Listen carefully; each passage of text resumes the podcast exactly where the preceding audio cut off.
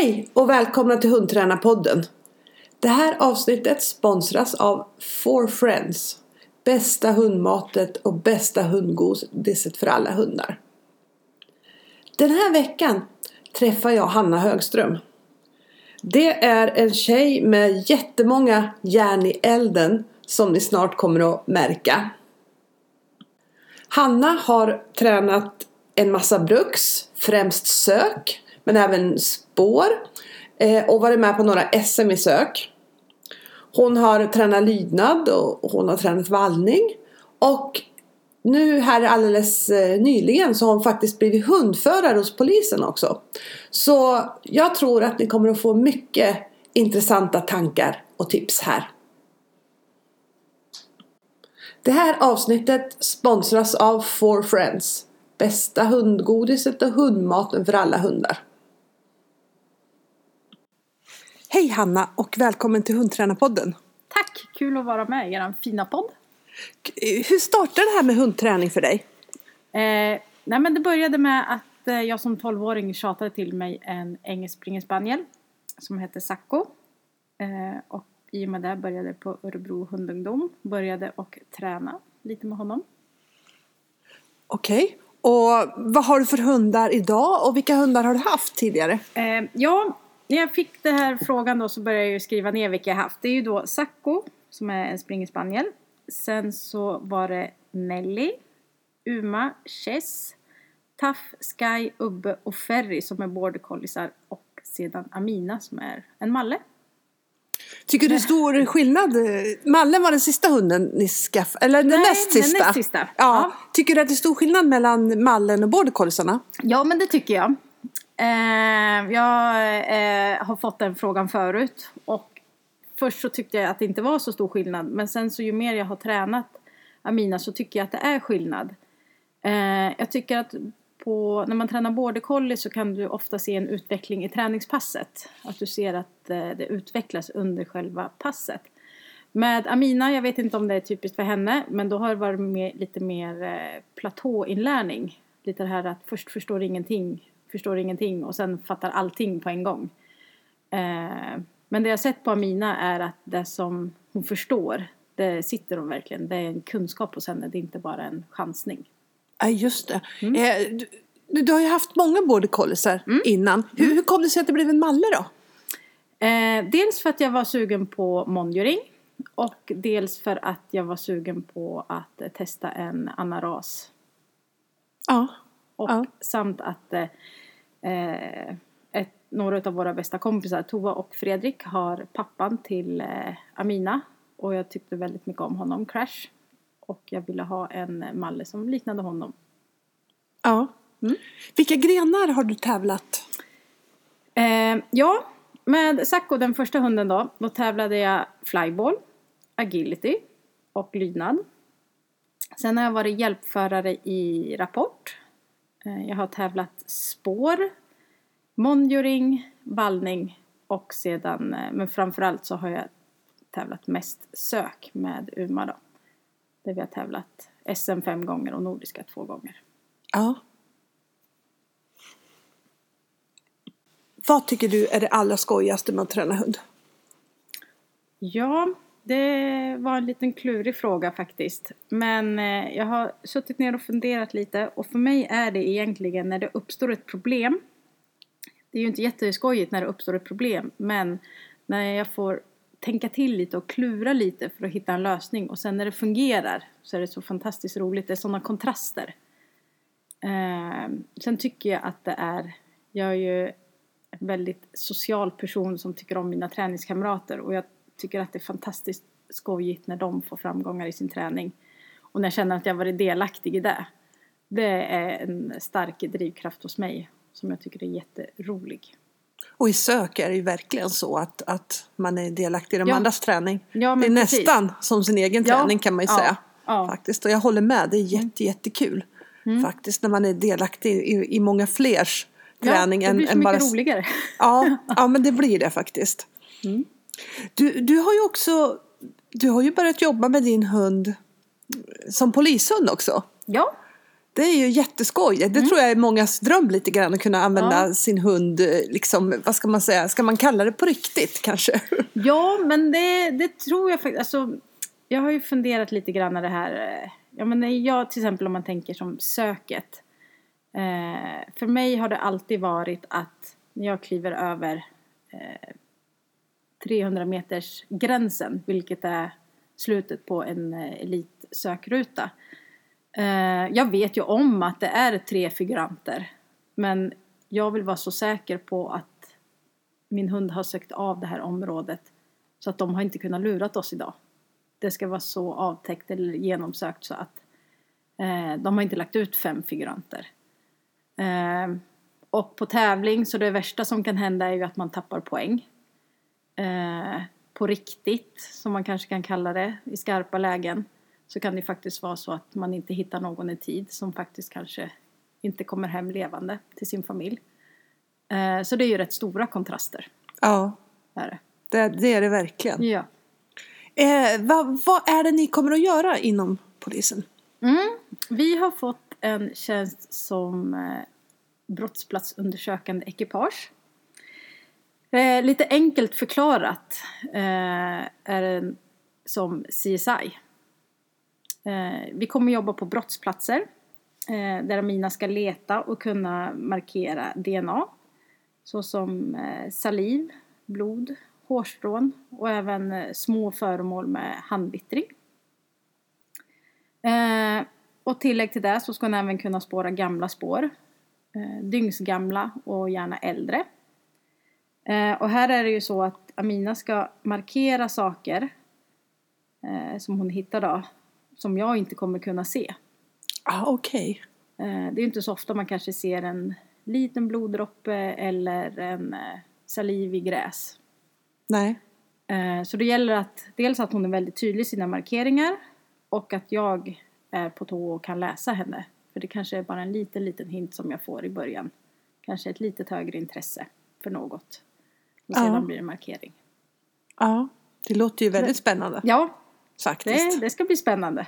Och speciellt du som, liksom, som, vad ska man säga, ska man kalla det för en liten sökexpert? Ja, det kan Ja men, det är ju, göra. det, ja, men det är ju du redan från början Ja. så det måste ju vara väldigt, väldigt kul och bara, det, det blir liksom bara en fortsättning av det intresse och den kunskapen du har. Mm. Ja. Tycker jag att det känns som. Ja, det är Faktiskt. jätteroligt. Och det som, det som är lite, tycker jag är lite extra spännande och kul, det var ju att du faktiskt kunde använda den hund som du redan hade. Ja, För det är ju inte, det är ju inte någon självklarhet. nej det är det absolut inte. Därför att eh, de ska klara eh, de ska klara den här eldtesten. Mm. Kan du berätta i stora drag vad man testar i den? Ja, jag ska försöka i stora drag men det kanske inte blir det kanske blir väldigt eh, utförligt här.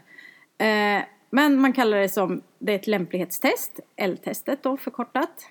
Eh, Och det måste alla, alla hundar som ska bli polishundar måste göra den. ja, alla, Och väktarhundar också va? Ja, det är alla hundar inom statliga myndigheter och väktare. Ah, Okej. Så om man tänker som de här privata bolagen, de behöver ju inte genomföra de här testerna. Utan det är de statliga och väktare som ska genomgå sådana här lämplighetstest. Okej. Eh, man, och man kan enkelt förklara det som att MH är en light-variant. Sen kommer koningen och sen kommer L-testet. Eh, och man behöver absolut inte ha gjort MH eller koning innan man gör ett L-test. Eh, det som skiljer sig stort är att eh, på L-testet så tittar testledaren mycket på hundens arbetslust. Eh, det är mer nosarbete än i de tidigare testerna. Eh, mer miljö. Eh, och framförallt att man tittar på vad som händer när hunden blir rädd. Eh, och det här är ju en rätt så viktig del för att hunden kan ju faktiskt vara livförsäkringen till hundföraren att den kommer hem efter sitt jobb. Ja. Så att den får liksom inte bli utslagen till exempel i trapphus eller något liknande eller på grund av miljön. Att den ska fortfarande kunna agera när den blir rädd. Och sen är det även så att om testledaren vill se något mer utav hunden så kan man lägga till moment för att få fram vissa egenskaper och det kan man ju inte göra på MH eller på en koning. Nej, just det. Eh, man tittar på dådkraft. Man tittar på hur den biter i saker. hur den fungerar i miljön, eh, om den är belastningsbar, eh, nyfiken, uthållig och framförallt söklust. Då. Så i mina ögon är det ett väldigt komplett test. Eh, jag har haft förmånen att få vara med under väldigt många år och tittat på, på eldtest. Och första gången jag såg det så tänkte jag så här, herregud, vad ska hunden göra för att gå igenom egentligen? Men ju mer tester jag har sett, desto mer förstår jag hur komplett det här testet är och vad man vill få fram för egenskaper. Och som sagt, det är ett test. Det är, eh, den kan bli lämplig att prövas inom vissa inriktningar. Det är inte att den blir en färdig hund på något sätt. Nej, nej, det, nej utan Man- det är bara att den är liksom lämplig Att den för är lämplig, fortsättning. ja. Vilken, vilken ålder testar man det i ungefär? Eh, man kan testa dem från 12 månader. Eh, och då är det några få i eh, Sverige, jag tror att det är en i varje polisregion som kan testa 12 månaders. Ja, Eh, sedan är det, det vanligaste är att man testar dem vid 18 månader. Ja. Och det är speciella personer inom pol- polisdistrikterna som gör de här testerna. Ja, jajamän. Det är det. Som vid, det här laget har mycket erfarenhet och Ja. vet precis vad de är ute efter. Precis.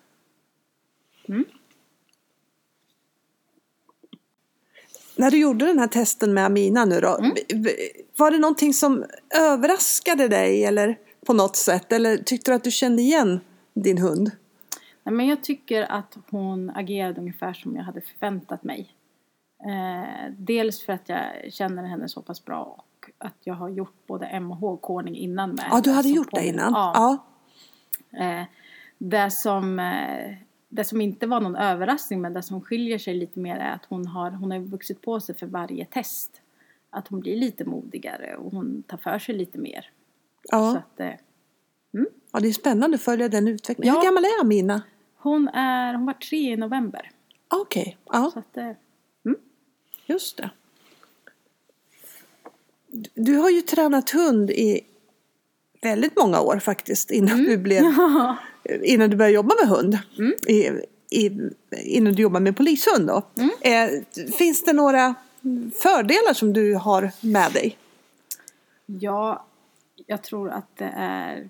Jag tror man har massa med fördelar. Men framför allt en stor fördel som jag ser är ju att man har erfarenhet.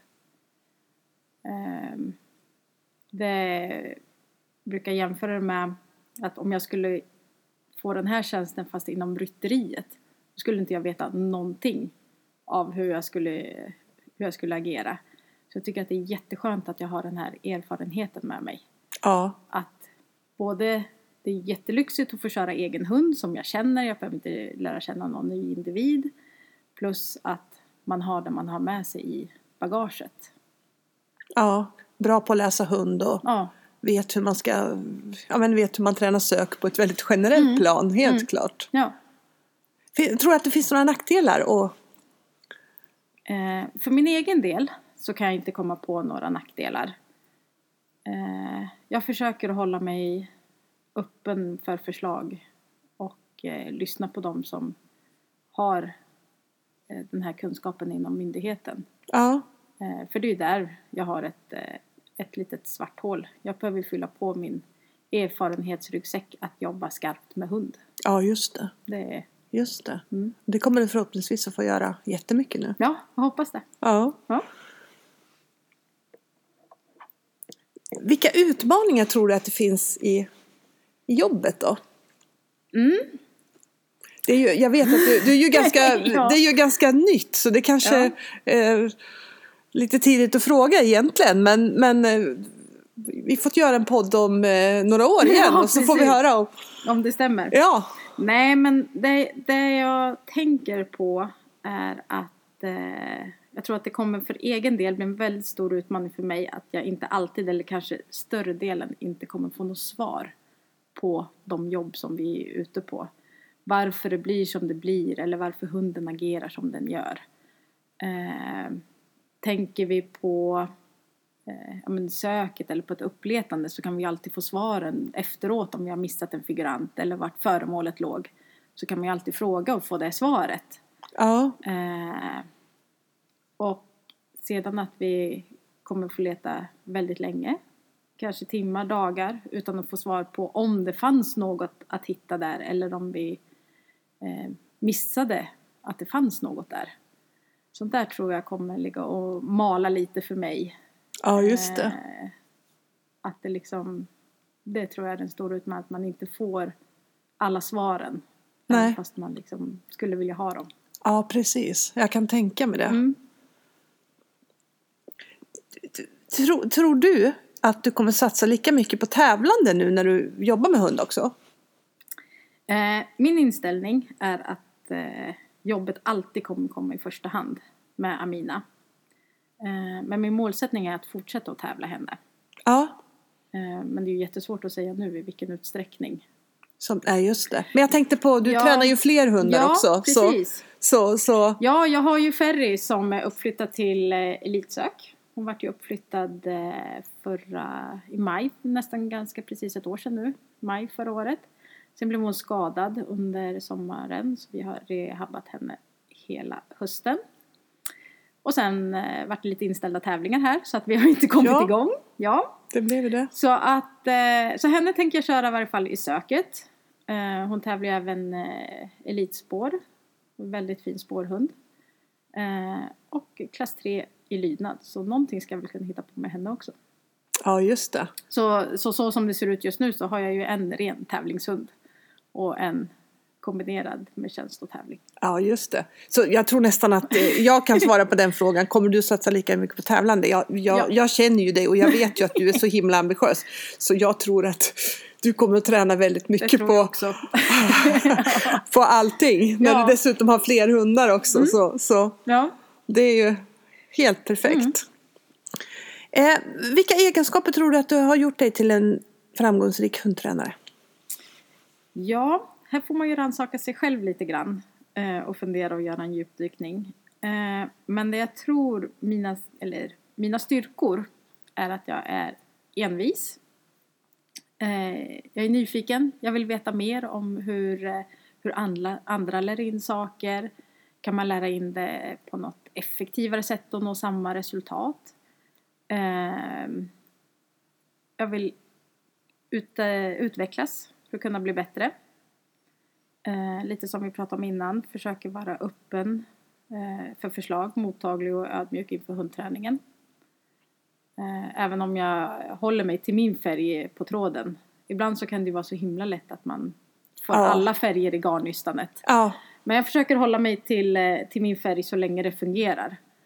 Eh, och sen givetvis många, många, många träningstimmar.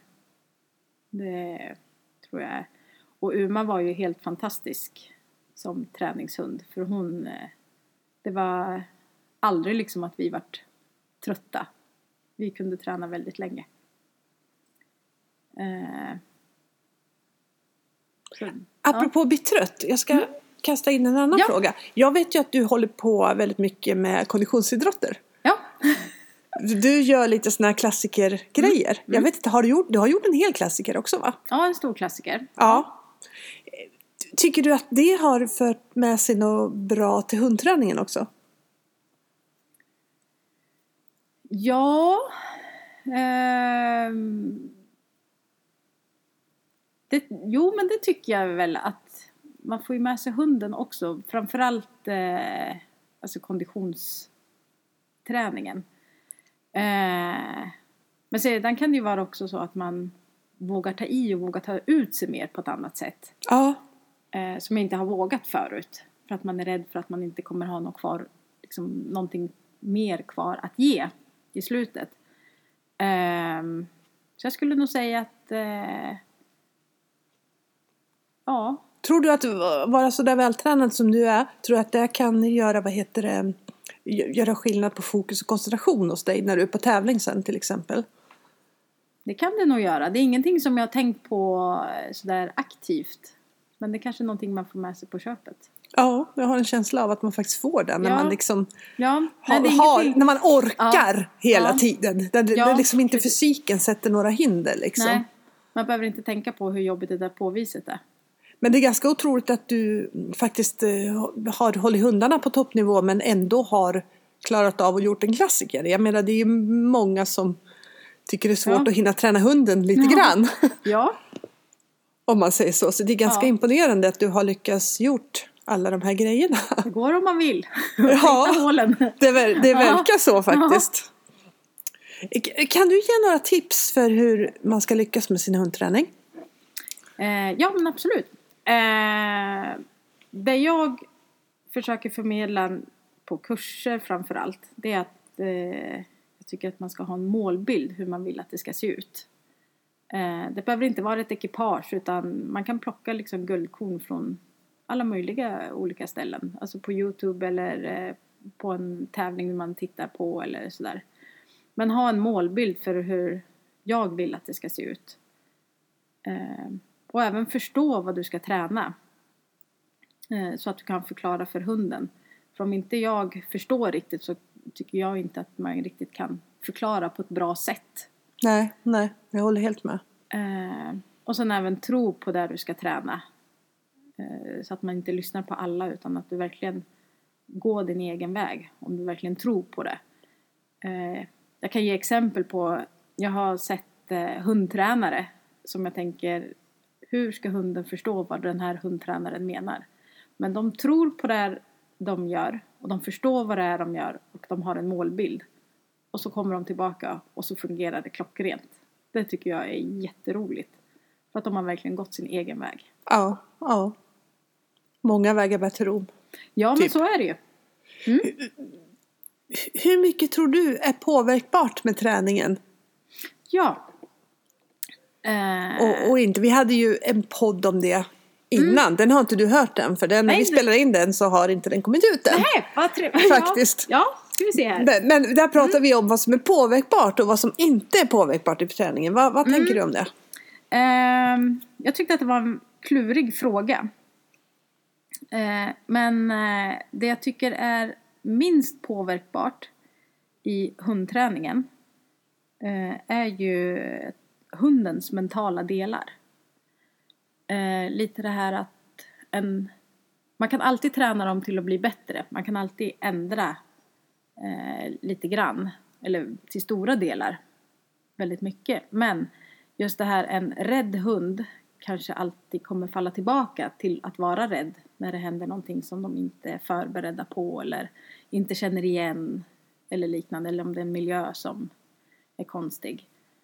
Eh, om man tänker på, det finns ju skottberörda hundar som tävlar på elitnivå. De kan ligga en platsliggning med skott men de klarar inte av skott i annan miljö.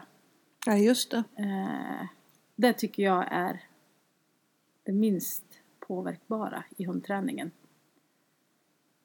Eh, Ja, vi pratade lite om på, då att vi, det som vi själva minst vill ha i träningen. Det som, De egenskaperna som vi inte vill ha i träningen. Det är ju rädsla. ja, Den är den ena, aggressivitet är den andra. Ja. För båda de två grejerna är, de, de, kan ju vara, de är ju ofta ganska påverkade av varann. Mm. Men det är ofta sådana grejer som, som eh, är tunga att påverka och svåra Ja. att påverka. Och, och, Men eh, vi, tycker, vi konstaterar nog också att man kan ju fixa mycket.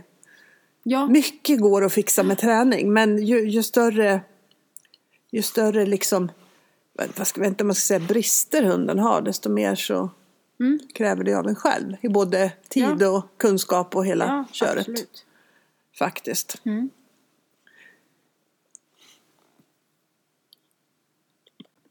Har du några förebilder i hundträning? Ja, jag har ju många förebilder eh, som även kanske varierar lite hit och dit beroende på vart man, vad man pysslar med just nu. Eh, men framför allt över tid så är jag imponerad av de som lyckas med hund efter hund.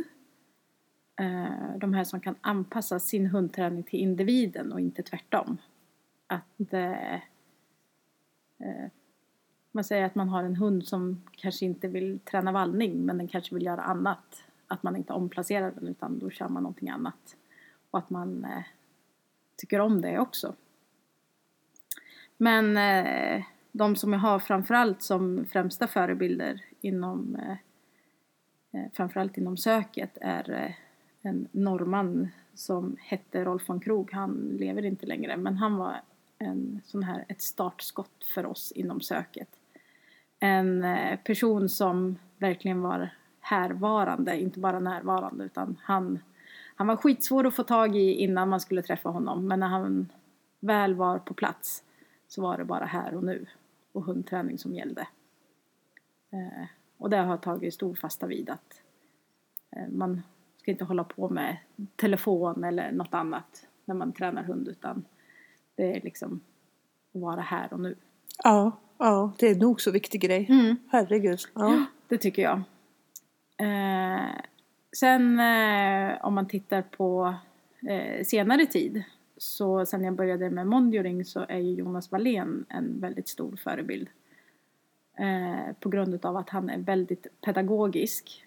Eh, han får mig att förstå eh, skyddsbitarna, hundträningen. Han slängde in mig i en eh, heldräkt och sa att nu får du figga. Och jag sa jag har aldrig figgat i hela mitt liv i, i sånt här. Ja men det går fint. Och det gjorde det. Så han gav mig självförtroendet att våga liksom hoppa i en eh, skyddsdräkt och agera. Och Ja. jag tycker att idag tycker jag att det är jätteroligt att figga. Ja. ja, du fick ju en hel del i vår Ja. träningsgrupp här. Ja. Det, det, det är jättekul att se Ja, faktiskt. det. Så jag kan Det eh, intyga att du blivit jätteduktig ja. också Ja. på det. ja. Eh, sen har vi ju eh, en utav eh, ja, men bästa kompisarna, Tova Lind, eh, som numera håller till uppe i Djura, som var i Västerås förut. Eh, hon eh, är en fantastisk vän som stöttar. Hon har hjälpt oss jättemycket eh, både med eh, hundträning och eh, med Amina inför eldtestet och kommit med idéer och pushat och stöttat. Eh, det är en sån här eh, som man, person som du kan ringa när som helst eller skicka ett sms när som helst och du får svar. Eh, väldigt klok.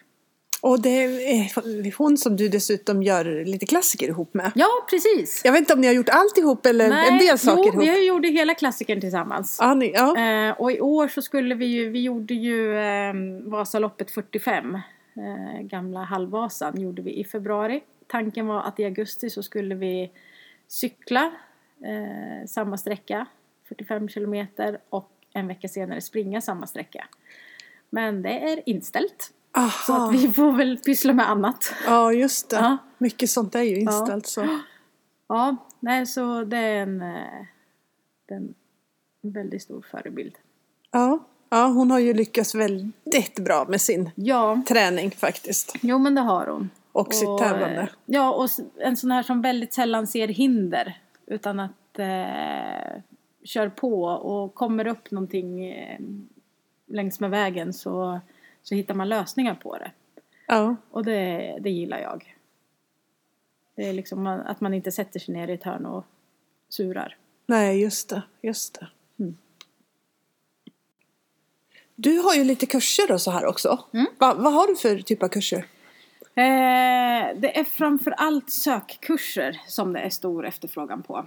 Ja. Eh, och de blir fulla väldigt snabbt. Jag har inte så många i och med att jag redan jobbar heltid.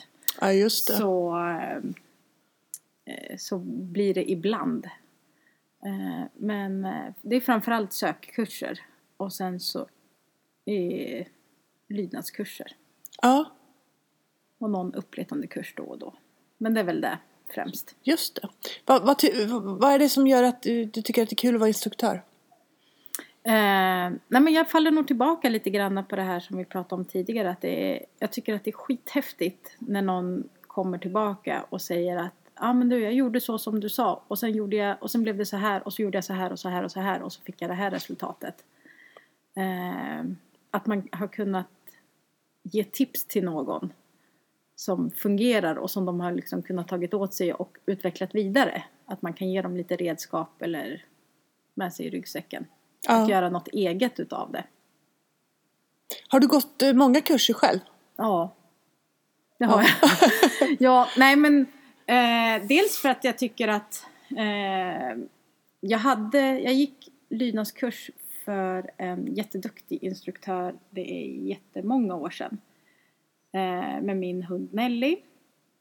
Och jag tyckte inte jag fick ut någonting av den här kursen. Det var första kursen som jag kände så här, nej jag får inte ut någonting av det här. Och instruktören såg väl att jag var lite besviken. Och så sa hon det, men du Hanna, så här är det. Att ju mer du kan, desto mindre aha-upplevelser kommer du att få. Men de du får och de guldkorn som du får kommer vara guld värda. För de kanske är det som är lösningen på mycket annat också. Och det där har jag tagit åt mig att man liksom inte kan sitta ner och vara nöjd utan fortsätta utvecklas. Ja, det, tro, det tror jag också är superviktigt. Ja. Och, och ska man se det lite krasst så, så de flesta som, som, som det fortsätter att gå bra, på, gå bra för, det är ju de som verkligen försöker att Mm. komma vidare och ta nästa steg och inte leva kvar i det, det som funkade för 10 Mm. eller 20 eller 30 år sedan. För, för det, har ju, det händer ju mycket hela tiden. Allting utvecklas och blir ju bättre. Ja, jo men så är det. Och sen tycker jag att det är roligt att gå kurs. Jag tycker att det är jätteroligt att träffa folk. Man träffar engagerat folk som är villiga att ställa upp. Det är inga konstigheter. Det är eh, ja, men ett sätt att umgås. Och även få lite ögon på sig själv. Ja, och det, där, det är ju liksom lite, kanske lite unikt tror jag, både kanske inom bruxet och lydnaden, att det är liksom att eh, man hjälper varandra så mycket vid sidan om. Mm. Det, det är ju liksom väldigt lite konkurrens Ja. på, på träning om man säger så. Mm. Utan vä- många är ju väldigt, väldigt hjälpsamma och öppna och kommer med jättemycket tips liksom. Mm. Fast eh, det kanske är konkurrenter på nästa tävling. Mm. Men, men det verkar väldigt många som faktiskt inte tar det så. Mm. Utan, utan istället hjälps man åt så mycket man kan och så gör man sitt bästa när det är tävling. Då är det liksom en Ja. annan sak. Ja, men faktiskt. precis. Ja, och tittar man eh, i de... eh, Tittar man på rapporten och så tittar man på, eh, på söket så tycker jag att det har varit väldigt trevlig stämning på um, jag tror alla tävlingar jag har varit på. Jag kan inte komma ihåg någon så här på rak arm som det har varit några konstigheter med. Men man vill liksom veta hur det går för varandra. Man väntar liksom eh, i söket så väntar man tills eh, ekipaget kommer tillbaka och liksom och lyssnar lite grann hur det går och har gått och sådär. Och det tycker jag är en, det är en trevlig gemenskap. Ja, det är det.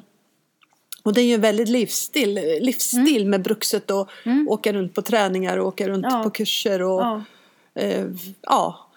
Det, det är bara lite synd att allt sånt står stilla nu. Plötsligt när det Ja. finns så mycket tid som helst Ja, då, då kan man inte riktigt göra de sakerna. Nej. Mm. Det är ju, det är ju på ett sätt lite synd. Men eh, där vi är nu så börjar det ju dra igång lite Mm. smått igen så vi får verkligen, verkligen hoppas att det, Mm. att jag har kommit igång att det kommer. Ja, faktiskt. Mm. Okej, vad ska du göra nu då? Nu ska jag träna hund. Ja, Ja. och eh, först har du jobbat och så nu Ja. ska du träna hund. Och vad ska du Jajamän. träna på idag då? Idag ska jag träna lite skydd. Ja, Vi har gått över från monitoring till eh, svensk skydd. Så eh, får vi se vart det tar vägen.